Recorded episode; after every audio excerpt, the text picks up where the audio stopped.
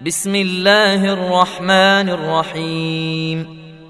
سبح اسم ربك لعلى الذي خلق فسوى والذي قدر فهدى والذي أخرج المرعى فجعله غثاء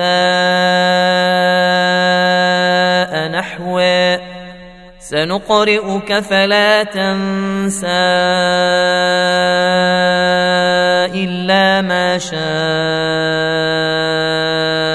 الله إنه يعلم الجهر وما يخفى ونيسرك لليسرى فذكر النفعه الذكرى سيذكر من يخشى ويتجنبها الأشقى الذي يصلى النار الكبرى.